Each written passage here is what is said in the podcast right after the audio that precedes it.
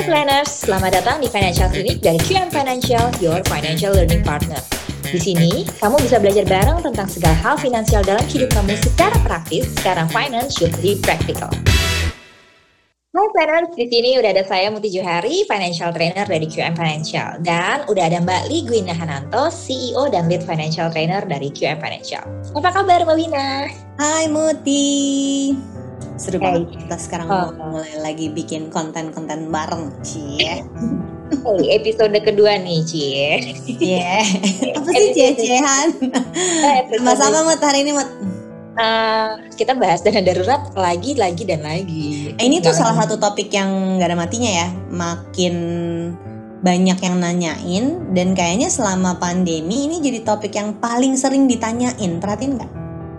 Karena karena dulu saya berpikir dana daruratnya cuma butuh buat tiga bulan.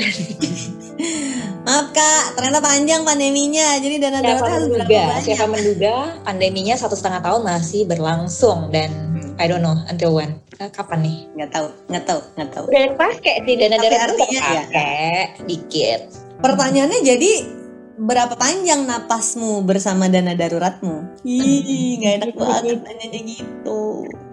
Aduh, ngeri Jadi ya. banyak yang komplain mood. Jadi Ah. tahun lalu, tahun Ah. lalu ngebahas dana darurat itu eh, kan April ya kita mulai em, banyak di rumah aja tuh. Mm-mm, Mulai banyak tuh yang bahas, oh jadi harus siapin dana darurat. Yang udah pada punya dana Mm-mm. darurat, oh untung punya dana darurat.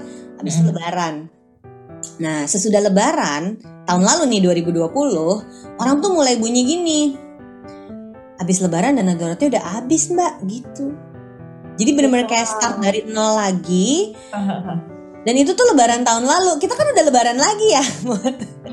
Dan tahun ini kan kayaknya kita lebih longgar ya Iya, hidupnya. iya. Jadi, jadi artinya em, apa kabar nih buat teman-teman semuanya pada masih punya dana darurat kah atau oh udah keburu habis soalnya unemployed beberapa bulan misalnya.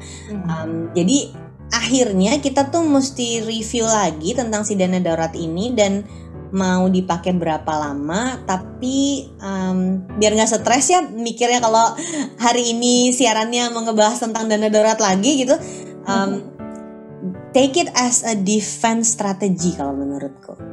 Jadi bukan lagi soal harus punya dana darurat ideal bukan tapi gimana biar kita bisa survive dan dana darurat ini bermanfaat untuk membantu kita survive. Kayaknya itu yang perlu disiapin. Dan oke kalau misalnya nggak ideal berarti setidaknya dua bulan boleh lah. punya uang buat makan bulan depan itu itu Oke. penting tuh. Paling enggak di, di- dibikin seminimal mungkin tapi jadinya kita benar-benar bisa ngecek aku tuh punya nafas berapa bulan ya gitu. Karena kan nggak enak ya. Nggak enak banget loh nggak punya kerjaan. Nggak enak banget loh tidur memikirkan besok nggak bisa makan tuh nggak enak banget dong. Mhm. jadi jadi buat eh, yang masih punya kemampuan em, untuk bisa bertahan dengan baik, maka dana daruratnya ini perlu ditambah. Dan menariknya adalah udah mulai ada juga yang merasa dana daruratnya tadinya punya enam bulan gitu ya, nggak apa-apa deh empat bulan aja. Terus yang di dua bulan dikemanain?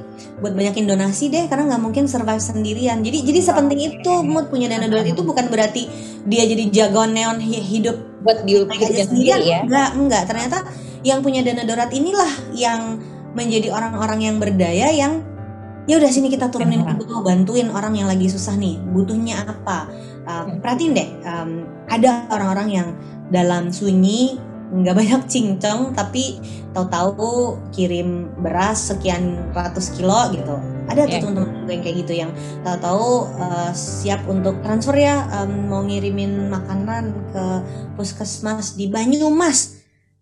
Se- sejauh itu dari posisi lu di Jakarta iya nggak masalah nggak masalah Um, kita masih ada kemampuannya gitu jadi jadi jangan melihat punya dana darurat itu enak dia punya dana darurat jangan lihat kayak gitu justru kita nih mus yang masih punya kemampuannya mesti memilih untuk menguatkan diri supaya bisa kuat buat orang lain gitu.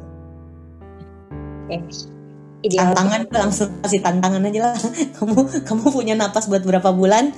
Buat dirimu dan orang lain itu tantangan. Wah, ternyata bukan cuma buat diri dan keluargamu tapi buat orang lain. Oh. orang lain. Apalagi yang pada punya bisnis ya. Wah udah deh yang pada punya bisnis tuh uh, tantangan dana daruratnya tuh artinya nyiapin gajian buat karyawannya kan. Mau cuman berdua berlima berdua puluh yang bisnis kecil-kecil ini yang dana daruratnya harus ada terus napasnya harus diperpanjang terus hmm, ya. Yeah jadi intinya tema tahun ini sehat fisik, sehat mental, dan sehat finansial itu ya nyata benar.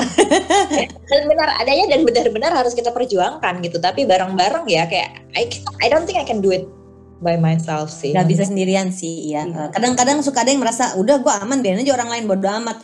Gak bisa kayak gitu. Kita hidupnya kan nggak sendirian hidupnya kan bersama-sama. Dan nggak enak tau hidupnya baik-baik aja sendirian orang lain di sana bergelimpangan kan nggak enak nggak enak banget uh, iya Terus uh, apa aja nih Mbak yang Mbak Wina lakukan untuk bisa mencapai uh, semua yang tadi itu sehat uh, apa selama pandemi? Berbagi rahasia dong. Nomor satu sih mental ya. Muti untuk bisa sehat mental ngapain? Ayo ngaku kamu ada di mana? Gue ke Bali. Kabur ke Bali. Rencananya berapa minggu Mut di Bali? sebulan. Emang udah direncanakan sebulan? Ya, mau diperpanjang?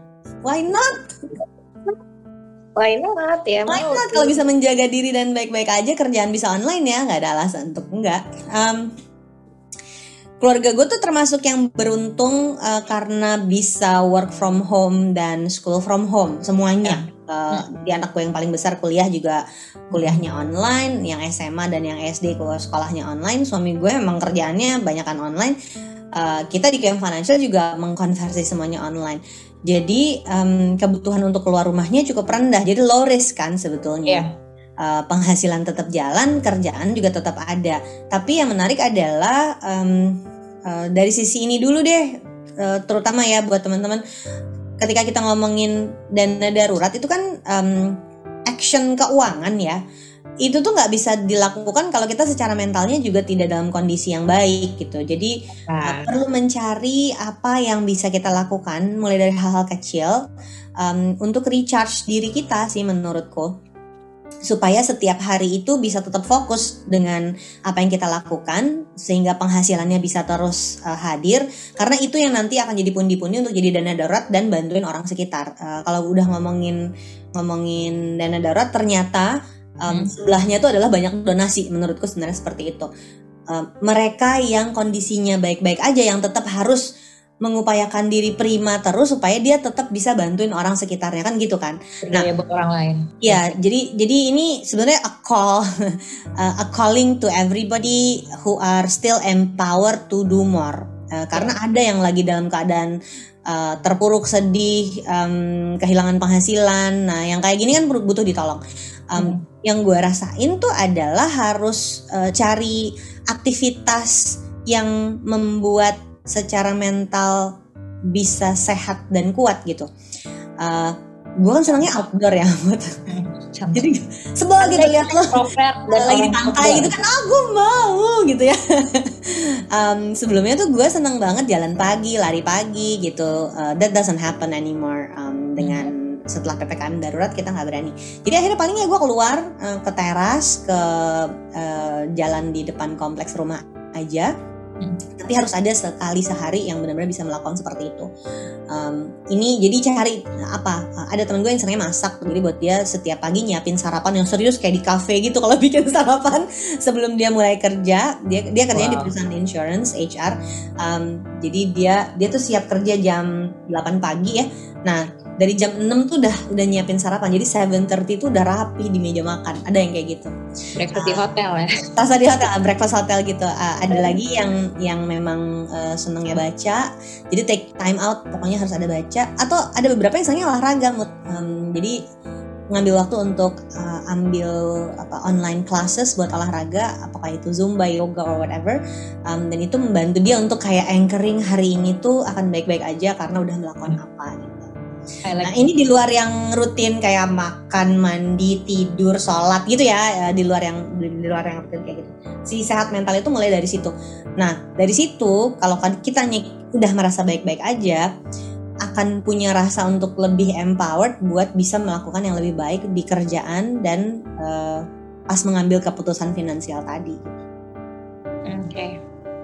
Jadi uh, start with ya small achievements lah ya, small wins for today itu apa yeah, gitu. Yeah. Uh, kayaknya 2021 ini pas lagi nyiapin YouTube konten dan podcast konten ini mesti mengingatkan sama diri sendiri bahwa ini tentang survival kan. Yeah. Ya kan? Kita ngomongin dana darurat ini tentang survival bahwa besok itu kita akan baik-baik aja. Dan dan kenapa sih dana darurat ini jadi begitu penting? Mau berapa banyak? Karena um, amit-amit kena COVID itu kalau harus tes PCR aja ya. Nah, itu, itu udah berapa ratus ribu lah. Ya, jangan kan yang PCR, swab antigen aja itu udah berapa ratus ribu.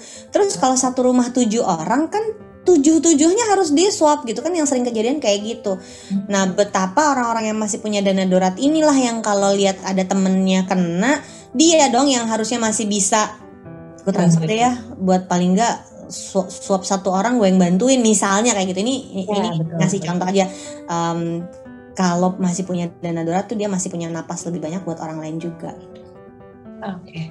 jadi um, sebelum pandemi aja dana darurat sebenarnya udah penting, udah mesti standby gitu, jangan diganggu gugat. Oke, okay, mungkin gini ya. Dulu dana darurat itu harus tetap teori. Dulu tuh dana darurat tuh teori, mot. eh gue ngumpulin loh dana darurat gak cuma teori gitu. Tapi kan kalau kata mbak Wina mood dana darurat jangan dipakai buat tiba-tiba liburan. Enggak enggak enggak hmm. kayak gitu gitu. Tapi kalau sekarang dana darurat itu memang harus lebih siap lebih standby karena ya tadi amit-amit positif atau kayak mesti PCR dan segala macam dari situlah ya kepakainya ya. gitu. Jadi bahkan saat isoman kan ada alat-alat yang dibeli sendiri kan, Mon? Iya. Ya kan, ada yang beli tabung oksigen sendiri, beli si oximeter itu sendiri oh, gitu. Itu ya. dana darurat dong yang turun gitu. Nah, menariknya adalah di masa pandemi ini ternyata dana daruratnya nggak buat kita sendiri, nggak cuma buat keluarga aja, tapi hmm. nolongin orang lain juga akhirnya dipakai. Nggak pernah loh sebelumnya gue bahas dana darurat buat jadi donasi gitu, nggak pernah. Iya. karena itu masuknya ke pos sosial gitu kan. Ya itu kan ada di pos sosial yang rutin iya. bulanan yeah. kan. Udah uh -huh. banget nggak cukup. Cuman punya pos misalnya misalnya kamu punya berapa uh, pos untuk pengeluaran sosial per bulan? Ada yang sepuluh persen gitu misalnya ya. Jadi biar bulat-bulat angkanya. Kalau gajinya 10 juta dia biasa donasi satu juta ya satu juta ini nggak cukup. Lagi pandemi itu yang ditolongin tuh banyak gitu. Jadi nggak cukup cuman dari pos sosial rutin bulanannya aja. Jadi akhirnya gue nemu beberapa teman-teman nih ya udahlah bobol aja nih dana darurat bantuin ke sini bantuin ke sini bantuin ke sini. Saking udah emergency banget nih suasananya sampai dana darurat aja udah dibobol buat donasi. Bayangin sampai udah kayak gitu kondisinya. Ya tapi itu tentu saja akan memberikan apa ya ke kebahagiaan, kelegaan dan apa ya rasa yang berbeda lah ketika kita bisa ngebantu sesama ya nggak sih? Iya dan banyak yang ternyata hmm. merasa giving is happiness ternyata kayak ya. gitu. Makanya ketika lihat sekitarnya lagi kacau balau banget, dia malah ngebobol dana darurat untuk itu. Um, tapi jadi kan pertanyaan adalah jangan seberapa panjang ya. napas dana daruratnya kan? Gitu. Nah, jangan dihabisin juga kan intinya kan. Mesti ingat bahwa harus ada prioritas juga buat diri dan keluarga sendiri ya. Nah, tapi gini deh. Banyak yang udah habis harus isi ulang, Mut. Iya. harus diisi lagi. Eh, ya Allah. Ya, harus kayak refill ya, kayak refill nih udah. Benar, benar, benar. Nah, terus um, apa sih apa uh, gimana caranya gimana ya mas gue gimana cara ngebedain uh, dana darurat khusus pandemi ya sama dana darurat yang sebelumnya gitu karena ya, ya as we know sekarang aja mungkin penghasilan kita udah berkurang terus tetap harus ngumpulin dana darurat tuh gimana ceritanya sih mbak? Iya iya ini emang emang gak gampang. uh, pertama kita mesti cek cash flow kita dulu ya. cash flow kita tuh masih normal apa enggak? Kan ada orang-orang yang memang penghasilannya udah berhenti sama sekali. Ya. Ada yang harus ganti pekerjaan, harus ganti profesi. Ya. Ada tuh bahkan yang model gini um, nggak kena PHK sih di kantor, mm, nggak potong gaji juga officially tapi diharuskan ngambil cuti tidak dibayar seminggu dalam sebulan. Berarti itu penghasilannya berkurang 25% ya? Iya, uh Ya kan? Iya. Jadi uh, ketika kondisi kayak gitu berarti harus dicek adalah cash flow kita gimana nih? Cash flow itu artinya pengeluaran kita setiap bulan itu masih positif apa enggak nih? Masih bisa ada yang ditabung dan disisihkan atau enggak nih?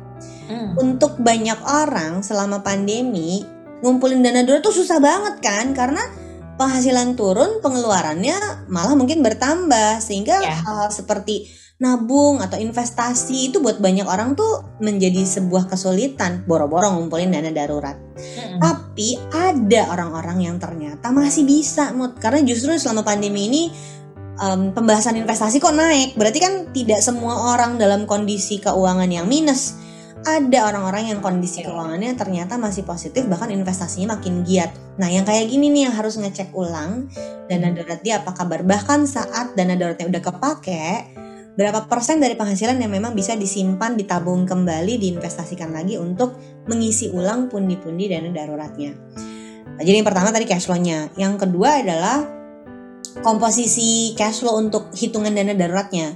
Nih hmm. kalau ada yang udah nonton di video-video uh, YouTube-nya Camp Financial yang lama gitu, itu kita udah sempat bahas dana darurat itu ngitungnya adalah dari pengeluaran bulanan atau penghasilan bulanan. Uh, pengeluaran itu kan posnya banyak ya. Nah, yeah karena ini kondisinya pandemi, darurat nih, emergency, extraordinary emergency situation, maka pos-posnya itu dikecilin mood apa dua pengeluaran yang harus terus kita bayar ada atau nggak ada penghasilan itu ada dua yaitu cicilan utang, satu lagi pengeluaran rutin kita. Ya hidup rutin ya. Ya, jadi biaya hidup, cara hidup kita yang bayar listrik, beli makanan itu kan harus terus ada ya. Nah itu angkanya berapa? Bayar uang sekolah anak itu angkanya berapa? Sama cicilan utang. Nah angka dua ini aja, gak usah mikirin yang lain kayak ada lifestyle-nya apa itu ntar dulu. Yang dua ini aja angkanya berapa? Prestasi. Iya, iya, iya.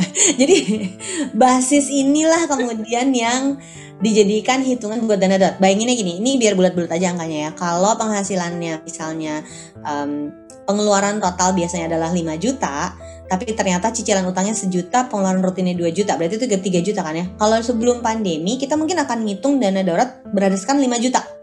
5 juta kali 3 bulan berarti punya 15 juta gitu kan bisa dipakai untuk hidup 3 bulan.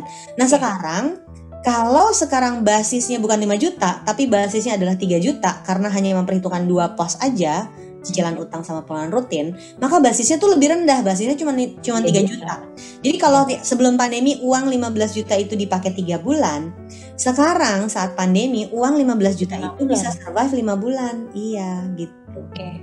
Dengan mengesampingkan investasi seperti ya. ini dana pendidikan anak harus dilanjutin. Uh, it's about survival. It's oh, about survival. Okay. Karena tadi ini extra extraordinary condition, okay. maka nggak bikin ideal nggak apa-apa yang penting keluarganya survive dulu dan kita bisa ketemu hari esok kayak gitu loh uh, jadi pola pikirnya agak beda ya gitu um, terutama buat yang memang tidak berkelebihan. Tapi kalau kamu berkelebihan ya uh, ngitung dana daruratnya jangan minimum dong gitu, tetap dibikin maksimum gitu. Buat banyak orang ini udah diturun-turunin semuanya, um, pakai ya, standar yang lebih rendah direvisi semua karena ya ya susah gitu, susah banget buat buat tetap hmm. sesuai dengan teori-teori. Jadi selalu ingat nih guys, kalau ngomongin teori dalam keuangan begitu mau dipraktekin ke kehidupan kita dan kenyataan yang berbeda dari masa ke masa teori tinggal teori. Oh teorinya gitu. Oke prakteknya di gue gini ya. Pasti kayak gitu. Yang penting kita ngerti dasarnya prakteknya ini tuh karena teori apa gitu. Pas prakteknya boleh geser. Gesernya banyak lagi. Bayangin tadinya 5 juta kali berapa bulan sekarang 3 juta kali berapa bulan buat dana daruratnya? Ya tapi yang penting mulai dibentuk dan ada gitu ya daripada tidak dimulai sama sekali daripada yang kayak ah tapi kan prakteknya susah kayak gini. Udah lah nggak usah ya. sekalian. Nah itu itu yang salah. Itu keliru ya mbak ya nah ini ini yang yang menarik tuh lagi nih. Um, perasaan seperti apa yang kamu pengen dapetin? Uh, gue suka suka nanya kayak gitu. Uh, pertanyaannya kok keuangan nanyain perasaan ya gitu kan? Karena karena gini uh, kita semua tahu nggak punya duit itu nggak menyenangkan gitu kan? Kita okay, semua tahu yeah nggak bisa makan besok itu menyebalkan nggak bisa bayar cicilan besok tuh menegangkan gitu kan? Kita semua tahu itu. Jadi perasaan seperti apa sebenarnya yang kamu inginkan? I just wanna be content ya kan? Pengen pengen tenang gitu pengen hmm. besok tuh nggak apa-apa besok tuh baik-baik aja. Itu kan yang sebenarnya kita butuhkan kan? Nah itulah kenapa yeah. uangnya cukup itu menjadi sebuah um, tujuan yang kita perlu wujudkan gitu. Dan dan inilah uh, si fungsinya dana darurat tadi kalau kita tahu ada simpanan untuk tiga bulan ke depan makan, jadi kerja hari ini itu, kerja bulan ini itu untuk bulan keempat gitu loh. Ya. Ya kan? Jadi jadi beda gitu cara cara berpikirnya. Kalau sebelum pandemi ya udah gajian buat hidupin bulan ini, gajian buat hidup bulan ini gitu. Kalau lagi pandemi, begitu tahu kondisinya semua di ujung tanduk gitu ya, perusahaan mana sekarang yang nggak lagi dalam keadaan susah gitu, maka kalau kita tahu tiga bulan lagi itu kita tetap punya uang buat makan, semua penghasilan yang buat sekarang itu kita tahu untuk bulan keempat, bulan kelima, bulan keenam gitu. Ini juga yang bisa dipraktikan kalau punya bisnis, Mut. Banyak Ah. banget strategi defensif buat para bisnis owner itu, terutama yang UKM ya, yang yang omsetnya di bawah 15 m nih, di bawah satu juta dolar ya, yang dilakukan itu adalah em, punya cash reserve dana darurat untuk berapa bulan, jadi per quarter eh, strateginya. Jadi misalnya Oke. Januari, Februari, Maret, kuartal 1 2021. Uh, di Desember tuh udah duitnya. Jadi punya budget buat hidupin perusahaan Januari, Februari, Maret sehingga semua sales, semua omset penjualan Januari, Februari, Maret itu buat dipakai di kuartal 2. Dan ternyata strategi seperti itu yang banyak membuat banyak UKM yang uh, cash flow-nya masih positif, yang omsetnya masih positif, uh, profitnya masih ada gitu. Itu bisa melewati 2020 gitu. Ya tentu saja kan harapannya 2021 kita mau grow gitu ya. Sorry guys, tahan. Dulu rencananya. Ya. Tahan dulu rencananya. Eh, buat banyak orang ini tuh lebih berat karena denialnya kan. Aku nggak suka kayak gini. Aku maunya kita grow. Sabar kak. Survive dulu aja. Take your time. Nah si dana darurat ini eh, buat banyak orang memberikan harapan bahwa kita akan bisa survive karena kita ada dana daruratnya. Walaupun memang cuma tiga bulan, ya nggak apa-apa. Yang penting ada gitu. Cuma punya buat satu bulan, yang penting ada. You'll be surprised at how many people don't have any. Hmm. Gue lebih serem yang kayak gitu sih. Karena karena banyak yang hidupnya benar-benar dari hari ke hari kan kita banyak banget pekerja informal kan yang Iya, kerjanya sektor informal itu. sama jualan gitu kan benar-benar cuman hari ini jualan apa makan dari hasil jualan hari ini. Nah kalau ini ada yang bisa ditabungan sedikit, nggak usah ngomongin dana pensiun deh. Tapi ada yang bisa dipakai untuk buat minggu depan. Ada yang bisa dipakai untuk dua minggu lagi. Ada yang bisa dipakai untuk satu bulan lagi. Hmm. Kayaknya ini bisa jadi tesis PhD yang menyenangkan gitu ya. That's Apa good. efeknya? mulai mulai halu. Apa sih efeknya eh, pada pengambilan keputusan pada saat orang itu punya dana darurat? Nah itu akan sangat menarik. Hmm, ini sebuah ide. Ya orang punya 10 miliar di rekening. Ya, gitu ya. Nggak nggak usah nggak usah segede gitu deh. 10 miliar, oke. Kan punya punya punya satu kali gaji di rekening itu udah jadi dana darurat kan buat dia. Nah beda nggak sih cara dia ngambil keputusan sama kalau abis-abisan gitu gajian abis gajian abis Hmm. beda loh beda kan caranya. Suasana hatinya tuh lain. Ternyata kalau kita lebih tenang dengan punya dana darurat walaupun cuma satu kali gaji di rekening cara kita ngambil keputusan tuh sangat berbeda. Ini um, observasi abal-abal gue ya. Harus hati-hati dalam pengeluaran. Kalau menurut gue sih. Eh, eh, eh, jadi jadi sayang duitnya gitu kan jadi Iya. lebih hati-hati jadi lebih tenang nggak yang oh, ada diskon ada diskon cepetan gitu jadi jadi beda pengen tahu sih kalau dibikin riset jadi kayak apa nih menarik Hmm. Hmm. Berarti em, ya orang udah nyimpen dana darurat sampai 12 bulan mungkin hidupnya ya tentu saja jauh lebih tenang kali ya. Tapi juga tentu saja dia akan lebih hati-hati lagi dalam mengambil keputusan. Dan, dan ini tentu saja artinya berapa lama napas dana darurat kita itu sangat dipengaruhi sama proses kita menghasilkan uang. Jadi Iya, mereka yang misalnya baik. jadi di aparatur sipil negara, kerja di BUMN, kerja di multinational company, kebutuhan dana darurat itu mungkin akan lebih rendah dibandingkan misalnya yang kerjanya eh, sebagai dokter, em, freelancer. freelancer atau kerja di industri kreatif ya em, pekerja seni eh, atau teman-teman yang kerjanya by projects gitu beda Iya, kan Kar- beda. karena belum tentu gajian bulan depan maka akan sangat berbeda cara mereka em, membutuhkan dana darurat juga Oke. Jadi marilah ya kita sama-sama berusaha supaya napas dana daruratnya bisa lebih panjang. Dari yang pertama, dari yang punya satu bulan, tambah lagi yuk ketiga. Dari yang tiga tambah ke enam. Dari yang enam mungkin 8, 12 gitu ya. Perlu sampai dua tahun, tiga tahun gak sih? Ah, pernah aku pernah nemu eh, aku pernah nemu yang punya dana darurat sampai lima tahun tapi itu extraordinary Oh, Oke, Mbak Wina berapa? enggak nggak panjang. Mbak Min mah nggak panjang. Aku nggak banyak dana daruratku tuh cuma tiga bulan tapi um, perusahaan juga punya dana darurat. Dengar, aku nggak punya banyak. Iya, aku nggak punya banyak dana darurat asli. Nggak punya banyak dana darurat. Um, eh, tapi perusahaan juga punya dana darurat kan jadi bisa ngukur. Um, kalau diukur panjang itu jadi kayak enam bulan dan jadinya kan mod kalau Iya, iya. kalau aku punya jadi kalau sampai aku nggak nggak gajian perusahaan tuh pasti udah nggak gajian berarti kan nah jadi si perusahaan itu dipastikan akan punya dana darurat berapa misalnya tiga bulan atau enam bulan sehingga sebenarnya udah tahu oh ini um, dana daruratku uh, aman gitu tapi kalau sampai perusahaannya berhenti sama sekali pun baru si cashnya tuh ada jadi artinya kalau pertanyaannya Oke. dana darurat tuh gini kalau sampai kamu nggak punya penghasilan bisa makan untuk berapa lama gitu Hmm, dengan cara hidup yang sekarang ya. dengan cara hidup yang sekarang. Sambil cari sumber penghasilan baru. Hmm. Nggak nggak boleh bilang dana daruratnya dalam bentuk seorang uh, pemberi nafkah. Nggak nggak boleh. Ngomongnya nggak boleh gitu. Nggak diterima sebagai jokes ini. Kalau di Twitter aku dirajam. Jangan ya, udah ada stop ya. Stop di viral on tapi jadi um, mungkin yang perlu jadi pengingat adalah gini. Selama pandemi yang sekarang kondisinya lagi extraordinary darurat ya um, jangan lupa bahwa fungsinya dana darurat itu ternyata bukan cuma untuk keluarga kita aja, tapi juga uh, perlu untuk kamu siapkan buat orang lain. Makanya kalau dibilang dana daruratnya nggak panjang-panjang amat, emang selama ini cashnya ke mana?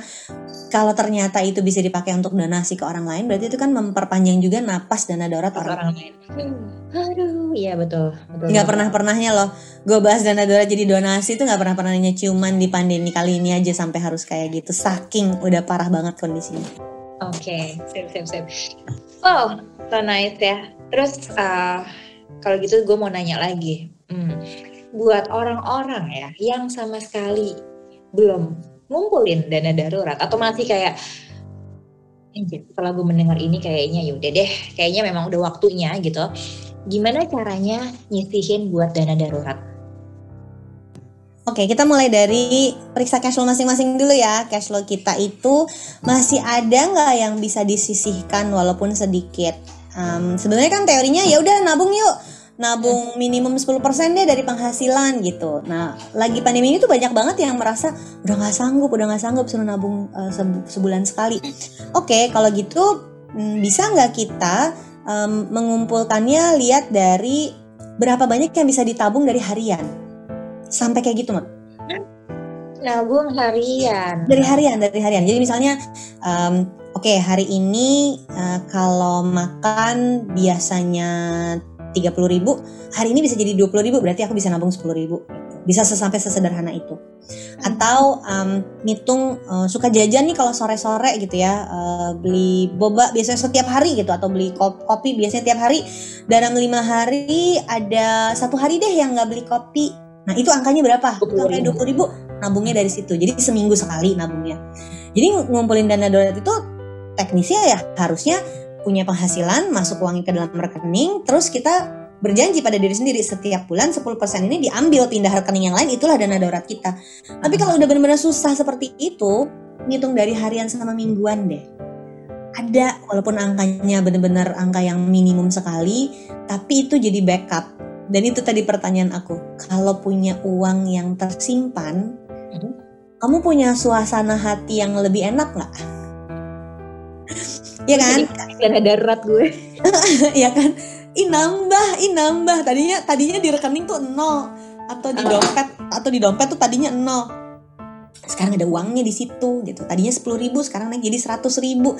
Mulainya dari kayak gitu dulu mod gitu. Eh, nah sekarang bayangin kalau angkanya lebih besar, angkanya lebih besar. Em, tadinya seratus ribu jadi sejuta, tadinya sejuta jadi 10 juta gitu. Beda kan?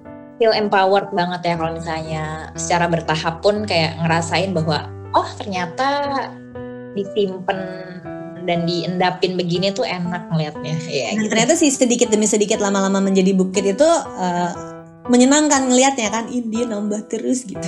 Cuman ya itu kalau itu nambah itu dana darurat loh, bukan uang jajan Eh. shopping. bukan post lifestyle Katanya susah, katanya susah. Ternyata bukan susah, ternyata memang gampang kalap belanja itu beda beda pembahasan itu topiknya lain.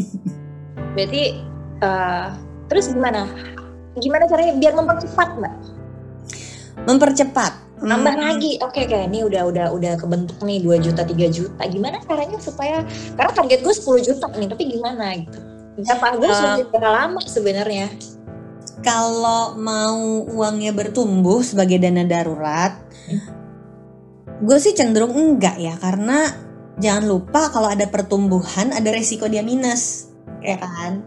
Sehingga um, dana darurat itu sebaiknya disimpan di produk yang safe banget gitu yang super liquid dan resiko serendah mungkin gitu kan. Tabungan. Maka oh, karena kalau ada apa-apa terus dia minus kita nggak bisa pakai dana daruratnya gitu yeah. loh gitu. itulah biasanya ditaruhnya di tabungan sama deposito. Tapi hmm. buat buat banyak orang itu tuh terlalu mengungkung. Aduh nggak tumbuh dong kalau tabungan sama deposito. Jadi akhirnya ada beberapa orang yang memutuskan uh, sebagian taruh di produk investasi ya. Nah, nah produk-produk investasi yang yang biasanya dipakai untuk jadi kayak lapis berikutnya untuk dana darurat itu adalah reksadana pasar uang. Ya. Jadi kalau ada yang mau belajar investasi di reksadana, bisa mulainya dari reksadana pasar uang. Kita suka bercandanya ini kolam cetek ya nggak sih? ya kan? Kolam anak, anak. Kolam, kolam anak, nah, kolam anak bener-bener yang uh, kalau berdiri itu dengkul aja nggak nggak basah gitu ya. Iya betul betul. Sampai noleh ke bawah Muti. Iya gue main dengkul. Uh, biasanya gue bilangnya ini mata kaki ya. Mata kaki bahkan ya. Atau uh, ada lagi yang lebih suka nyimpennya di emas. Walaupun emas ada kemungkinan minus ya. Walaupun emas ada kemungkinan minus. Reksadana pasar uang juga ada kemungkinan minus. Uh, tapi resiko emas bisa minus itu lebih besar daripada reksadana pasar uang. Hmm. Tapi buat orang tuh ada yang menganggap uh, this is gold. Emas adalah emas. Jadi walaupun nilainya naik turun, kalau untuk dana darurat itu tuh dieliminasi aja resikonya dianggap yang penting gue nyimpan emas. Jadi jadi bayangin kayak kue lapis ya, ada di tabungan, ada di deposito, ada di reksadana pasar uang sama ada di emas. Nah sekarang kan semuanya ini masing-masing uh, sekarang empat-empatnya itu udah bisa dilakukan secara digital dan setornya bisa kecil-kecil. Jadi bahkan emas pun sekarang kita nggak harus ngumpulin dulu 50-80 juta untuk beli 100 gram gitu kan udah nggak harus kayak gitu ya. Kita bisa pakai tabungan emas yang digital juga. Nah, ini yang mungkin bisa dicoba. Uh, supaya ada pertumbuhan dan cenderung lebih ngunci sih ya gak sih karena ditaruh di tabungan itu yang bahaya ternyata bukan resiko produk yang resiko kitanya. Gesek aja gitu ya duitnya. Atau resiko rekeningnya dibobol gitu kan. Nah kalau di reksadana sama emas uh, kemungkinan kita niat banget mau ngebobolnya tuh akan lebih rendah karena sayang ah gitu atau repot ah buat ngebobolnya gitu. Tapi kan dengan kemudahan aplikasi di handphone mbak. Jadi uh, bisa jadi bumerang juga nggak sih? Gampang belinya tapi gampang juga ngejualnya. True. Mm -hmm. Balik ke komitmen lagi lah. Balik, lo mau nyimpen duit masing-masing berarti. balik ke diri kita masing-masing berarti. Tapi tapi yakin mau lihat emas lagi bertumbuh, ah cairin ah mau jadi apa gitu kan enggak, jarang orang lihat itu kan sayang gitu kalau itu sampai harus dicairin. Iya iya iya betul. Beda kok. Cobain deh, cobain ya. Nih nih uh, kalau kalian yang dengerin dan, dan nonton bedain rasanya naruh di tabungan, deposito, reksadana pas orang sama emas. Cobain deh jadi there's no logical explanation to it. Sama-sama rekening digital. Kita mau nambah dan cairin tiap dulu. juga bisa sama ya. Tapi suasananya lain kan mau mau cairin tabungan sama mau cairin reksadana pasar orang tuh lain loh suasana hatinya. Dan ini yang menurutku um, perlu dicobain sehingga kita tahu kenapa sampai di layer 4 begini dana daruratnya oke okay. jadi kalau teman-teman planners pengen tahu uh, gimana tadi uh, bikin layar dana daruratnya bisa nonton juga di YouTube-nya QM Financial ada beberapa video tentang dana darurat ya dan dana darurat saat pandemi ya Iya, dana darurat saat pandemi ya. Mm-hmm. Terus juga um, kalau kalau gue kalau gue sekarang dana darurat banyaknya di reksadana pasar uang, Mbak. Karena ah, okay. ya, uh, karena, karena ya, gampang gampang dan simple aja. Ternyata pas pas gue kemarin ngetes cobalah kalau misalnya gue cairin tuh berapa lama sih? Paling lama dua hari. Ya intinya jangan cairin hari Jumat sih udah gitu aja. Kalau closing Jumat nah, nyangkut ya? Nyangkut. Iya makanya. Jadi coba berpikir lebih panjang kalau mau mencairkan dana darurat. Gitu. Uh, bisa juga nggak sih mbak uh, cari alternatif? Apa ya? Pokoknya yang penting kan ini pundi-pundi dana darurat terkumpul ya kayak gue jual aset gitu boleh nggak sih sebenarnya? Bisa juga. Um, barang-barang nggak kepake ya maksudnya ngomongin aset ini bukan tiba-tiba ya kalau kalau ini udah sifatnya emergency kan akhirnya kita akan jual aset mod kalau emang udah sifatnya emergency kan akhirnya akan jual aset sehingga yang perlu dihindari adalah jangan sampai harus jual aset saking emergensinya gitu kan. Ya. Itu kenapa ada dulu dana daruratnya, dana daruratnya udah habis semua, ah, baru aset harus dijual gitu. Jadi ya. suka ada gampang lah gue bisa jual aset. Ya jangan sampai dong. Kalau lu sampai harus jual aset kan berarti lu udah emergency banget gitu. uh, uh, karena ada teman-teman gue misalnya dia sengaja beli tas pas lagi berkemampuan sengaja beli tas yang yang bagus gitu jadi kalau emergency gue jual tas aja gampang kok win liquid banget harga tasnya gitu misalnya ya ada yang kayak oh. gitu ya bisa okay. aja tapi kan ya maksudnya itu harus dijual sih saking lu susahnya gitu loh uh, jadi siapin dana darurat kalaupun mau punya aset apa pun itu atau koleksi ini tuh bisa dijual kalau udah last resort udah udah keputusan terakhir hmm. udah langkah yang terakhir gitu udah benar hmm. susah banget baru harus dilakukan tapi ya sebisa mungkin kan kita um, kondisinya baik-baik aja sampai nggak harus jual-jual aset dong gitu iya oke okay. dan juga ini berarti ya kalau tadi konteksnya dana darurat ini juga bisa untuk membantu orang tapi jangan sampai juga kita bela-belain diri sendiri. Iya, maksudnya jadinya ngerepotin diri sendiri karena gengsi, pengen ngebantu orang. Gimana ya cara ngomongnya ya gitu loh. Maksudnya jangan sampai jangan sampai dana daruratnya juga kita habisin atau jangan sampai kita jual aset yang lain supaya bisa ngebantuin orang. Atau ya berhutang demi bisa membantu orang. Wow. Nah, itu itu kayaknya yang jarang kebahas ya, tapi perlu jadi topik tersendiri itu tentang hutang. Orang, orang gitu. Banyak loh orang saking mau nolongin temennya, saking setia kawannya, ngutang atas nama dia dikasih ke temennya, terus temennya kabur. Itu udah bukan kayak cerita satu dua kali, udah terlalu banyak cerita kayak begitu. Uh, Maka uh, yang perlu kita ingat lagi pada saat kondisinya darurat, yang harus ditolong pertama itu diri kita sendiri dulu saat kitanya baik-baik aja dan kuat, maka kita bisa kuat untuk orang lain lebih lama. Um, ini udah sering banget dibahas kan kalau lagi naik pesawat lalu ada uh, perubahan tekanan udara ya, lagi kondisi darurat di pesawat akan muncul si masker oksigen kan. Nah, selalu kan kita lihat penjelasan safety-nya di pesawat itu adalah pakai dulu masker oksigennya ke kita, baru tolong orang lain gitu. Yeah. Karena kalau kita nolong orang lain, lalu orang itu nggak bisa nolong kita, nanti kita pingsan gitu loh. Kitanya nggak nggak kebagian oksigennya. Jadi hmm. pada saat mau menolong orang lain, pastikan kita kondisinya kuat dan sehat. Karena kalau kita nolong orang lain dulu, nanti kitanya nggak ada yang nolong gitu nanti nggak ada yang bisa membantu untuk melanjutkannya tapi kalau kitanya kuat kita nolong orang lain kita bisa nolong orang lain lebih lama lebih banyak jadi jangan sampai uh, lalai menolong diri sendiri itu penting sih menurut aku. Ini yang membedakan orang yang berdaya ya. Kita kita kan sering banget dengar orang itu ngomongin investasi supaya cuan, supaya untung gitu kan. Yang it's very exciting. Nothing nothing is wrong to be excited about returns gitu. Yeah. Tapi yang jarang kebahas itu adalah punya kondisi keuangan yang sehat dan kuat ini lebih powerful dibandingkan dapat return beberapa juta, bahkan ratus-ratus juta sekalipun. Karena kalau dia udah sehat dan kuat, dia bisa nolong dirinya dan orang sekitarnya. Mm. Dan itu very powerful kalau menurutku. Betul, betul. Oke. Okay. Jadi topik dana darat ini tiba-tiba nggak jadi nyeremin tapi lebih menghangatkan nih kalau buat gue hari ini. Dan itu ajaibnya, kok jadi ngajakin donasi? Iya bener juga loh, lagi kondisinya pandemi, isi kepala tuh udah tinggal kita mesti bantuin apa lagi nih orang-orang gitu kan? Sehingga nggak bisa ngomongin dana darurat buat diri sendiri lagi, udah nggak bisa. Buat orang lain kita bisa bantuin apa dengan dana darurat kita? Well, thank you so much Mbak Wina. I've gained new insight today. Gila senang. Oke Finance, terima kasih sudah mendengarkan Financial Clinic Podcast by QM Financial. Jangan lupa follow Instagram kami di QM underscore financial dan nantikan Financial Clinic Podcast episode berikutnya. Terima kasih Mbak Lina.